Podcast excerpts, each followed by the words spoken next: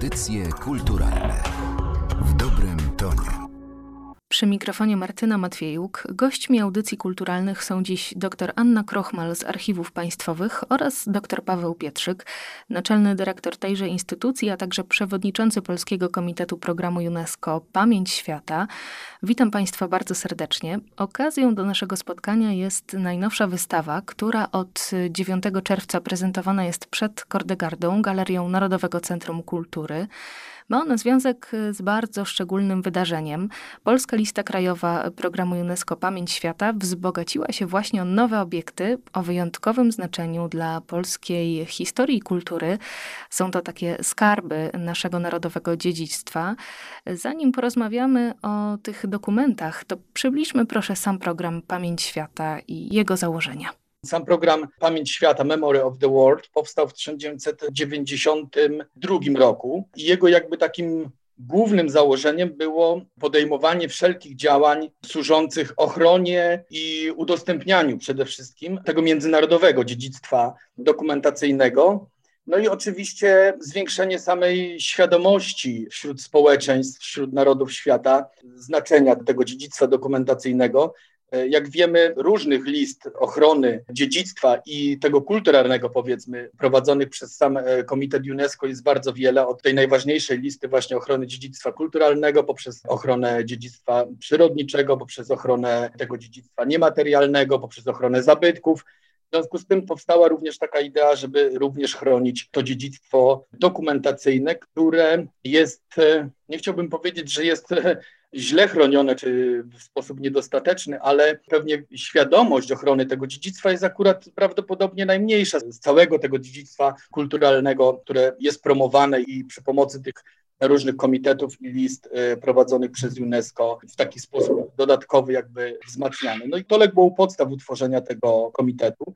Sam Komitet Krajowy Pamięci Polski powstał bodajże 4 lata później, czyli w 1996 roku. No i od tego czasu zajmuje się również ochroną tego dziedzictwa dokumentacyjnego i zwiększaniem tej świadomości tego dziedzictwa tutaj już na terenie naszego kraju. Warto w tym miejscu dopowiedzieć e, bardzo podstawową rzecz, mianowicie to, jakie rodzaje obiektów e, zalicza się do dziedzictwa dokumentacyjnego, bo przyznam, że byłam bardzo zaskoczona różnorodnością dokumentów, e, które zostały wyróżnione podczas obecnej czwartej edycji programu.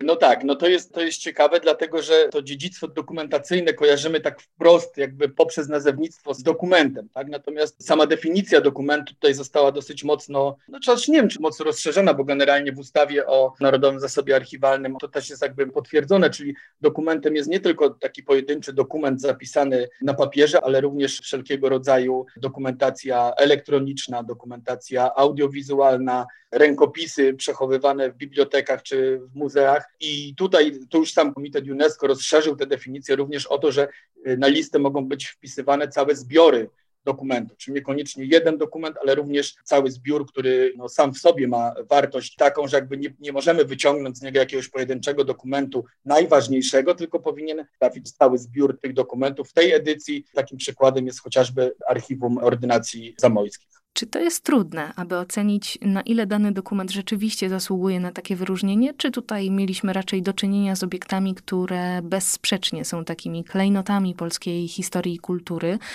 I jeśli tak, to jakie są tego kryteria, wyznaczniki?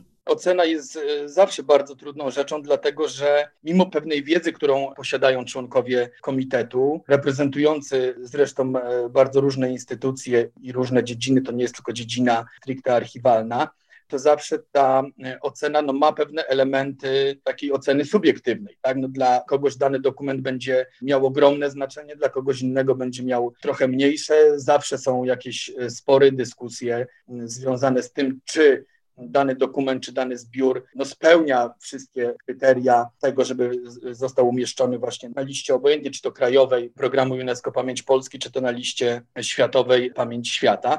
W związku z tym, no tak, no ocena jest, jest zawsze bardzo trudna, dlatego też cały czas jakby staramy się nie tylko sami w gronie komitetu dokonywać tej oceny, ale w niektórych przypadkach również sięgamy po wiedzę ekspertów z różnych dziedzin, więc naprawdę staramy się podchodzić do tego bardzo poważnie i staramy się, żeby ta ocena naprawdę była właśnie jak najbardziej obiektywną oceną która nie będzie stwarzała żadnych wątpliwości, dlaczego dany dokument na tej liście się znalazł. W tym roku do listy dołączyło 15 obiektów. My z pewnością nie powiemy Państwu dziś o wszystkich, ale ja chciałabym zapytać o jeden z najstarszych dokumentów, pochodzący z końca XIII wieku, zawierający pieczęć z herbem, który dał początek obecnemu polskiemu herbowi.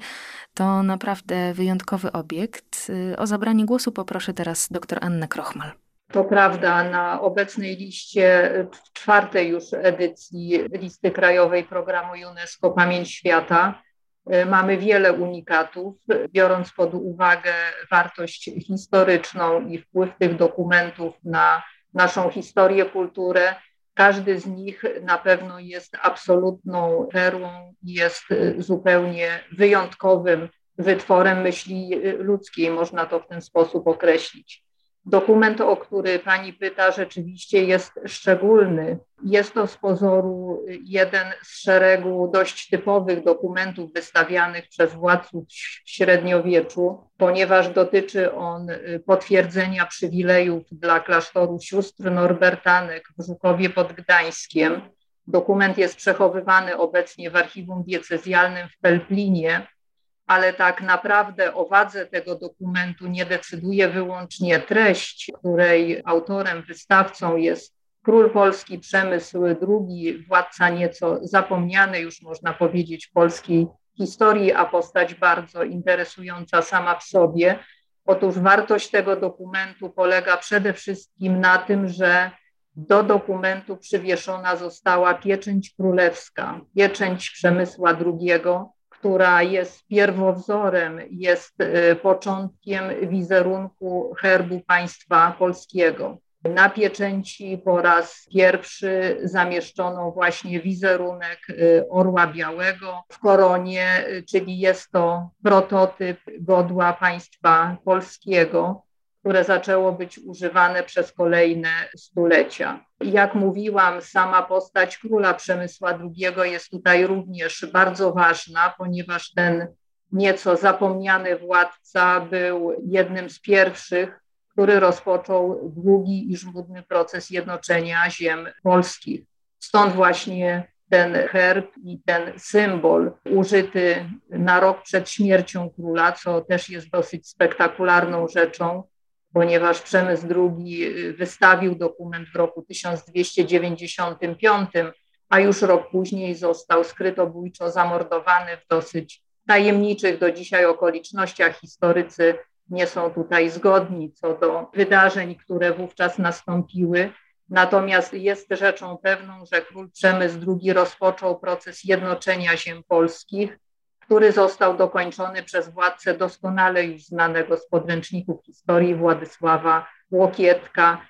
I wszyscy pamiętamy, mam nadzieję, że większość pamięta datę 1320 rok, kiedy Władysław Łokietek koronował się na króla Polski. Jest to data uznawana za rok milowy w jednoczeniu ziem Polski, ale poprzednikiem był Przemysł II, dokument y, pieczołowicie chroniony i przechowywany w archiwum diecezjalnym w Pelplinie. Jest właśnie tym unikatem, który pozwala nam zobaczyć, jak właśnie ten wzór, ten prototyp herbu naszego państwa w średniowieczu wyglądał i skąd on bierze początek.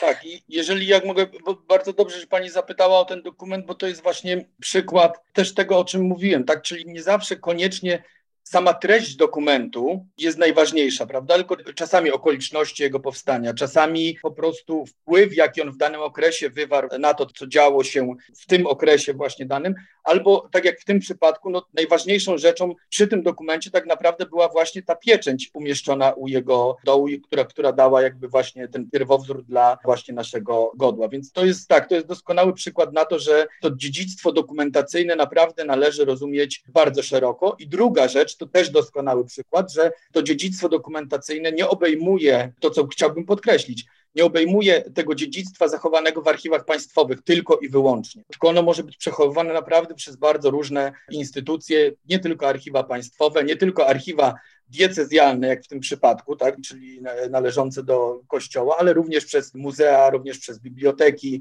również przez tak naprawdę, tak by trzeba było określić, przechowawców z tej sfery społeczno-prywatnej, powiedzmy. W tym zbiorze wpisanym w tym roku właśnie na listę krajową. Pamięci Świata tej czwartej edycji też mamy przykład takiego dokumentu. No właśnie, wydaje mi się, że większość z nas, kiedy myśli o tym, czym jest taki zabytkowy dokument o dużej wartości, to oczyma wyobraźni widzi od razu jakieś zapisane zwoje czy akta, a tymczasem takim dokumentem mogą być również materiały dźwiękowe. Tak też było w tym roku. Mam tutaj na myśli oczywiście płyty gramofonowe ze zbiorów Polskiego Radia. Dlaczego są one tak szczególne? Kolekcja płyt gramofonowych Polskiego Radia została nagrana w okolicznościach tragicznych dla naszego kraju i chociażby z tego powodu już zasługuje na uwagę, ale y, losy tej kolekcji są równie fascynujące i dramatyczne jak wydarzenia, które towarzyszyły temu nagraniu i również zdecydowały o tym, że zbiór ten znalazł się właśnie na liście krajowej. Ta kolekcja powstała we wrześniu 1939 roku. Została nagrana w y, okresie oblężenia przez wojska niemieckie Warszawy. W zasadzie można powiedzieć, tych nagrań nie powinno już być, ponieważ rozgłośnia y, warszawska Polskiego Radia zdając sobie sprawę z powagi sytuacji, w zasadzie miała już zamilknąć na początku września. To poświęcenie dyrekcji tej instytucji i pracowników zdecydowało o tym, że uznali, iż tak jeszcze stosunkowo młode medium, jakim było radio w momencie wybuchu II wojny światowej, będzie bardzo potrzebne dla ludności, przede wszystkim dla broniącej się ludności miasta, która nie mogła zostać pozbawiona pewnych podstawowych informacji, a również te audycje miały pełnić taką rolę krzepiącą obrońców, ponieważ częścią tych nagrań są między innymi, jak czytamy w literaturze przedmiotu, budzące ogromne wrażenie wystąpienia prezydenta Warszawy Stefana Starzyńskiego, ale znalazły się tam również relacje dziennikarzy zagranicznych, którzy na terenie Warszawy wówczas jeszcze się y, znajdowali. Zatem powstawaniu tych nagrań y, towarzyszyły dramatyczne okoliczności, mimo że one doprowadziły niestety no, do upadku miasta i wiemy, co działo się dalej i że ta gehenna ludności dopiero się zaczynała, to tak jak mówię, rozgłośnia radiowa odegrała ogromną rolę w informowaniu ludności cywilnej, ale też w przekazywaniu pewnych komunikatów y, wojskowych.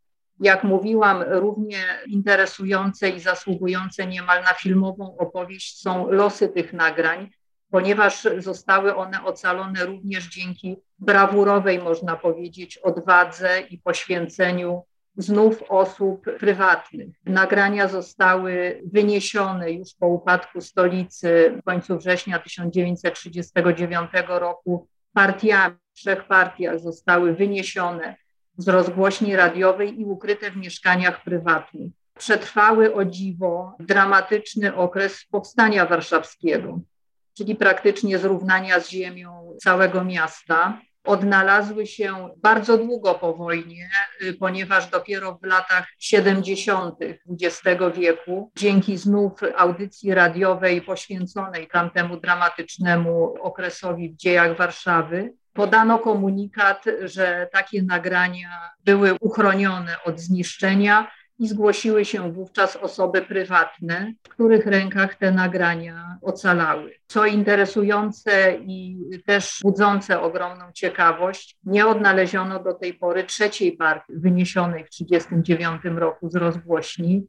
Tutaj Polskie Radio ciągle liczy na to, że nie została jednak zniszczona. Są przesłanki, które wskazują na to, że jednak nagrania nie uległy zniszczeniu w czasie wojny. No i Polskie Radio liczy na to, że znajdą się znowu osoby, które to ocaliły i do których te komunikaty kiedyś dotrą i będziemy być może świadkami kolejnego cudu odnalezienia, ponieważ dla archiwisty, dla historyka Nie ma większego cudu niż właśnie takie odkrycia po latach materiałów, które były znane, tak wiadomo mniej więcej, co było na tych nagraniach, ale nie wiadomo, jakie były losy, gdzie one się znajdują i kto za ocaleniem takich materiałów stoi. Tutaj też może warto jeszcze dodać, że tak naprawdę, no, no, przynajmniej tak jak Polskie Radio oblicza, przynajmniej drugie tyle tych płyt powinno być, tak? Nie wiemy, czy one są i czy się odnajdą. To oczywiście, że, że liczymy na to. Zresztą tak jak pani Anna powiedziała, cały czas zresztą teraz przy okazji również e, tej czwartej edycji listy krajowej programu Pamięć Polski, Polskie Radio nadaje ponownie te komunikaty i prosi o ewentualne zgłoszenie, jeżeli ktoś by mógł wiedzieć coś na temat tej pozostałej partii tych płyt gramofonowych, żeby się zgłaszać, no bo mamy tych płyt 93 w tym momencie, a wiadomo, że powinno ich być około 200.